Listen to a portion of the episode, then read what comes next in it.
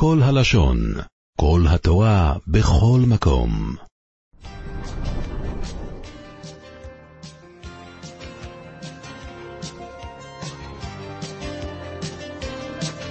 וידגו לרוב בקרב הארץ.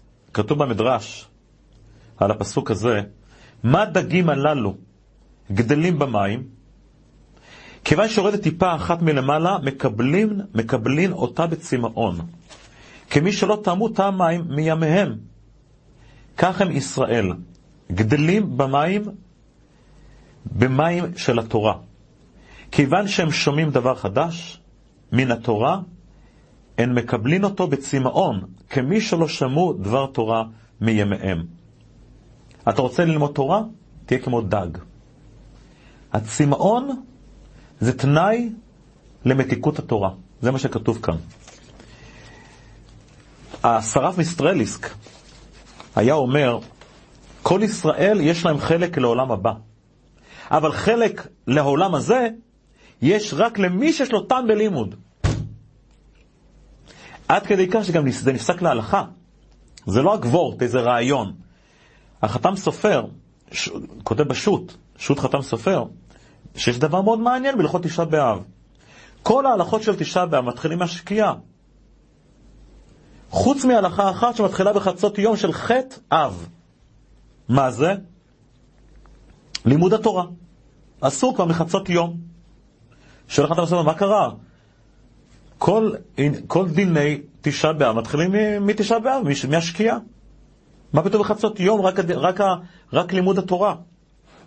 מתרץ החתם סופר, שאם אדם לומד איזה משנה, איזה גמרא, איזה סוגיה, פתאום אפילו אחרי כמה שעות, הרי הוא כל כך שמח, זה כל כך מתוק. פיקודי השם ישרים משמחי לב. השמחה הזאת תימשך, ופתאום בליל תשעה באב, באמצע הקינות, הוא עדיין יהיה לו את השמחה הזו. לכן צריכים להרחיק את זה. להפסיק ללמוד מחצות יום. זה הלכת פסוקה. רואים עד כמה כל מילה בתורה מביאה לאדם שמחה עילאית. זה, זה להלכה. כל ישראל יש שם חלק לעולם הבא. אבל חלק בעולם הזה, אמר השרף מיסטרליסק, יש רק למי שיש לו טעם בלימוד. רב, רב אברום פעם, הראש ישיבה של uh, תורה ודת, שאל, הרי התורה כל כך מתוקה, מתוקה מדבש ונופת צופים, אז מה צריך להתפלל וערבנה? היא כבר מתוקה בלי, בלאו הכי, וערבנה? הוא אומר, אנחנו מתפללים על מילה אחת, בפינו. בפינו, זה שהיא מתוקה, ברור, אבל שגם אני אזכה להרגיש את הטעם המתוק שלה, וזה לא כל אחד זוכה. תכף נראה איך, מה עושים כדי, כדי כן לזכות. אחד מהראשונים, רבינו אברהם מן ההר, כותב בנדרים, מ"ח עמוד א', פיקודי שם ישרים, משמחי לב. אילקח, לא שייך לומר במצוות תלמוד תורה שלא ניתן ליהנות, שעיקר מצוותו היא ההנאה, והתענוג במה שמשיג ומבין בלימודו. כמו שכותב גם העגלי טל, כותב בהקדמה, ההקדמה המפורסמת שלו. ובאמת זה טעות מפורסם, ואדרבה, כי זה עיקר מצוות לימוד התורה, להיות שש ושמח ומתענג בלימוד. ואז, ואז דברי תורה נבלעים בדמו. ומאחר שנהנה מדברי תורה, הוא נעשה דבוק לתורה. למדנו גם מהראשונים, רבינו אברהם מנהר, וגם מהאחרונים, העגלי טל, דבר מעניין, דבר חידוש. שההנאה מהלימוד שונה מכל הנאה ממצווה, מתפילין, מסוכה. בשאר מצוות התורה, כל הלשון. זה מעלה נוספת. מעלה נוספת ליהנות, לשמוח במצווה. כאן זה לא דבר חיצוני. זה צורת המצווה של, ככה לומדים, זה צורת הלימוד. הצורה התקנית, הנורמלית, הראויה, זה ללמוד מתוך הנאה. זה מתנאי הלימוד. רבי צחוק קוטנר, הגאון רבי צחוק קוטנר, בא לפחד יצחוק, הגדיר את זה, הגדרה, כמו שידע להגדיר, ורק הוא ידע להגדיר כל כך מדויק. הוא הגדיר, התענוג בהשגת דברי תורה נכנסו בכלל גוף המצווה. ואילו בשאר המצוות אינו אלא התורה, התרה על ראשם. פחד יצחוק, חנוכה, מאמר ו'. הגדרה מעניינת. אבל איך בחור אחד שאל אותי? הכל טוב ויפה, אבל מה עושים כשלא אוהבים ללמוד? לא אוהבים ללמוד, אני לא אוהב ללמוד. מה העצה? כך הוא שואל אותי. מה העצה והדרך לקבל טעם בלימוד?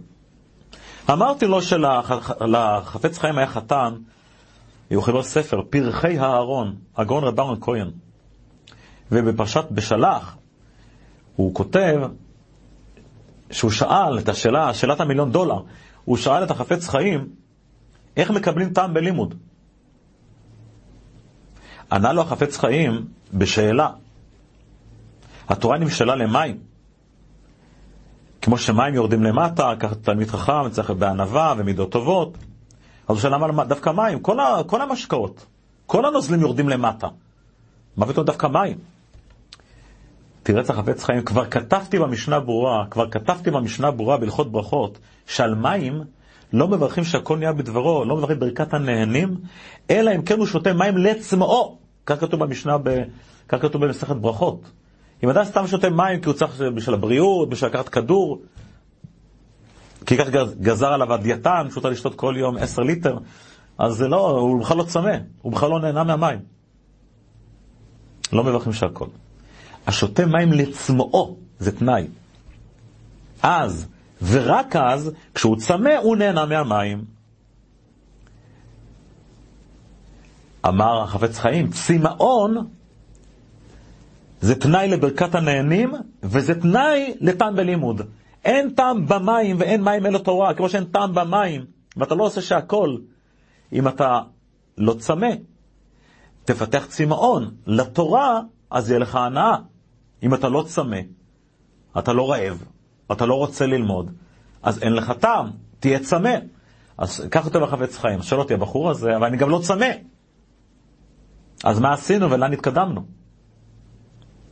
לא צמא. אני צמא לדברים אחרים, לשתות קולה. אני לא צמא לתורה. אז מה חפץ חיים תירץ? אמרתי לו, אתה היית איתי בקמפ, כשעשינו לישיבה, היינו אז, בשעתו, עשינו את מפל הג'ילבון ברמת הגולן. אמרתי לו, אתה זוכר שאני בעלייה, היה מאוד חם באמצע היום, יש שם עלייה, בסוף לפני החניון, פתאום באמצע הרגשתי שקשה לי, אז הייתי, היה לי יותר קשה מהיום, הרגשתי שאני לא יכול לעלות את ההר הזה, לא יכול לעלות. יש שם עץ, התיישבתי איתה באמצע העלייה, התיישבתי תחת לעץ, אמרתי, מפה מרימים אותי רק עם מסוק. לא, אני פה. נעביר את הישיבה מכפר גנים לג'ילבון. מפה רק עם מסוק. רץ בחור אחד לאוטובוס, הביא לי בקבוק חצי קפוא, מים, אני לא אשכח את זה עד היום. מעולם לא טעמתי כזה טעם גן עדן, מי עדן. כזה טעם במים, מים כאלה מתוקים. זה לא היה מים עם טעם, מים קרים. מים קרים על נפש עייפה, איזה גשמק. שום משקה שבעולם, לא משקה כזה ולא משקה כזה, בכלל לא בכיוון. מים. איזה מתיקות. למה? אמרתי, למה? כי זה אחרי מאמץ, אחרי עלייה, אחרי קושי, אחרי השקעה. כשמתאמצים, צמאים. כשצמאים, נהנים. כשנהנים, אוהבים, אמרתי לתלמיד הזה. צריכים להתאמץ, נכון, בלי טעם בהתחלה. מתאמצים. מתאמצים, תתאמץ, בשלב ב' יגיע צמאון, בשלב ג' יגיע טעם, בשלב ד' תתחיל לאהוב את התורה. דבש. איפה כתוב היסוד הזה? אמרתי, זה גאון מבינה מפורש. במשלי כ"ז, פסוק ז', על הפסוק נפש שבעה תבוס נופת ונפש רעבה כל מר מתוק, כותב הגאון. והעניין, כאשר לא יחפוץ האדם בהיגיון התורה, אז אינו תואם את תיקותה. ואז תבוס נופת. אך כאשר נפשו רעבה, שמשתוקקת ומתהווה לעסוק בתורה, אפילו כל מר מתוק. לא, עם ו', מחמת שיגע בה מאוד, וציער את עצמו עליה, אז הוא קיבל טעם בלימוד, גם באבן שלמה, פרק ז', הוא כותב, אם ירצה לעמול על התורה, אז ירגיש בה מתיקות, ועל ידי זה ישיג אהבת התורה, מפורש. אם ירצה לעמול על התורה, קודם כל תעמול, תעמול, אז ירגיש בה מתיקות, ועל ידי זה ישיג אהבת התורה. זה היסוד אמרתי לו. קודם כל, צריכים להשקיע. כשמתאמצים, כן, צריך להתאמץ. כשצ... כשמתאמצים, צמאים. כשצמאים, נהנים. כשנהנים, אוהבים. מספרים שהרבי מאשלג הגיע לחזון איש.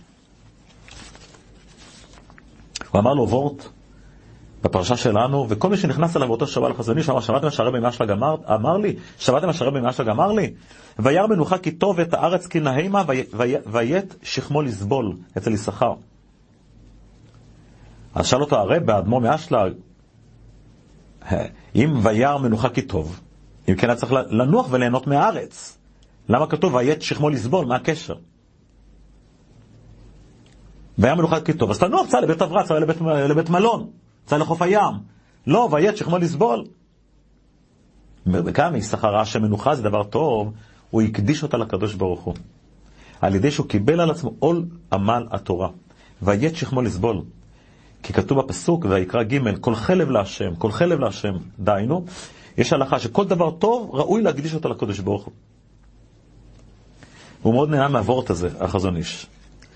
מספרים על uh, הגאון הגדול מהגידולים הגדולים והעצומים של ישיבת מיר.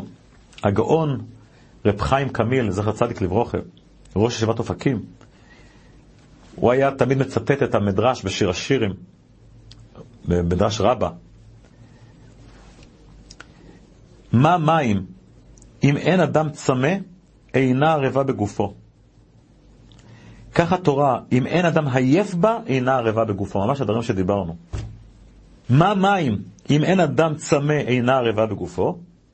כך התורה, אם אין אדם עייף בה, אינה ערבה בגופו.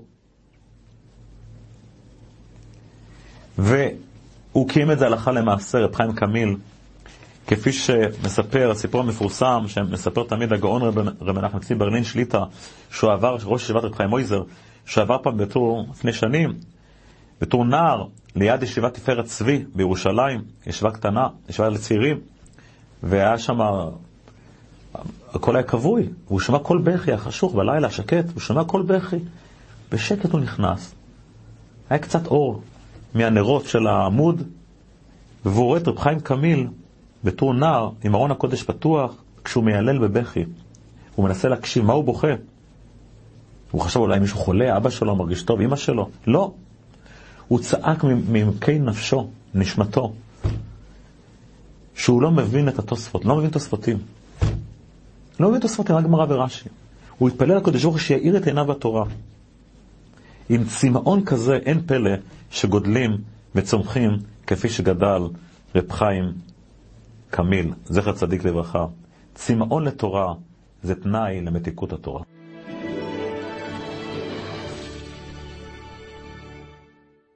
עולם שלם של תוכן מחכה לך בכל הלשון, 03 617 1111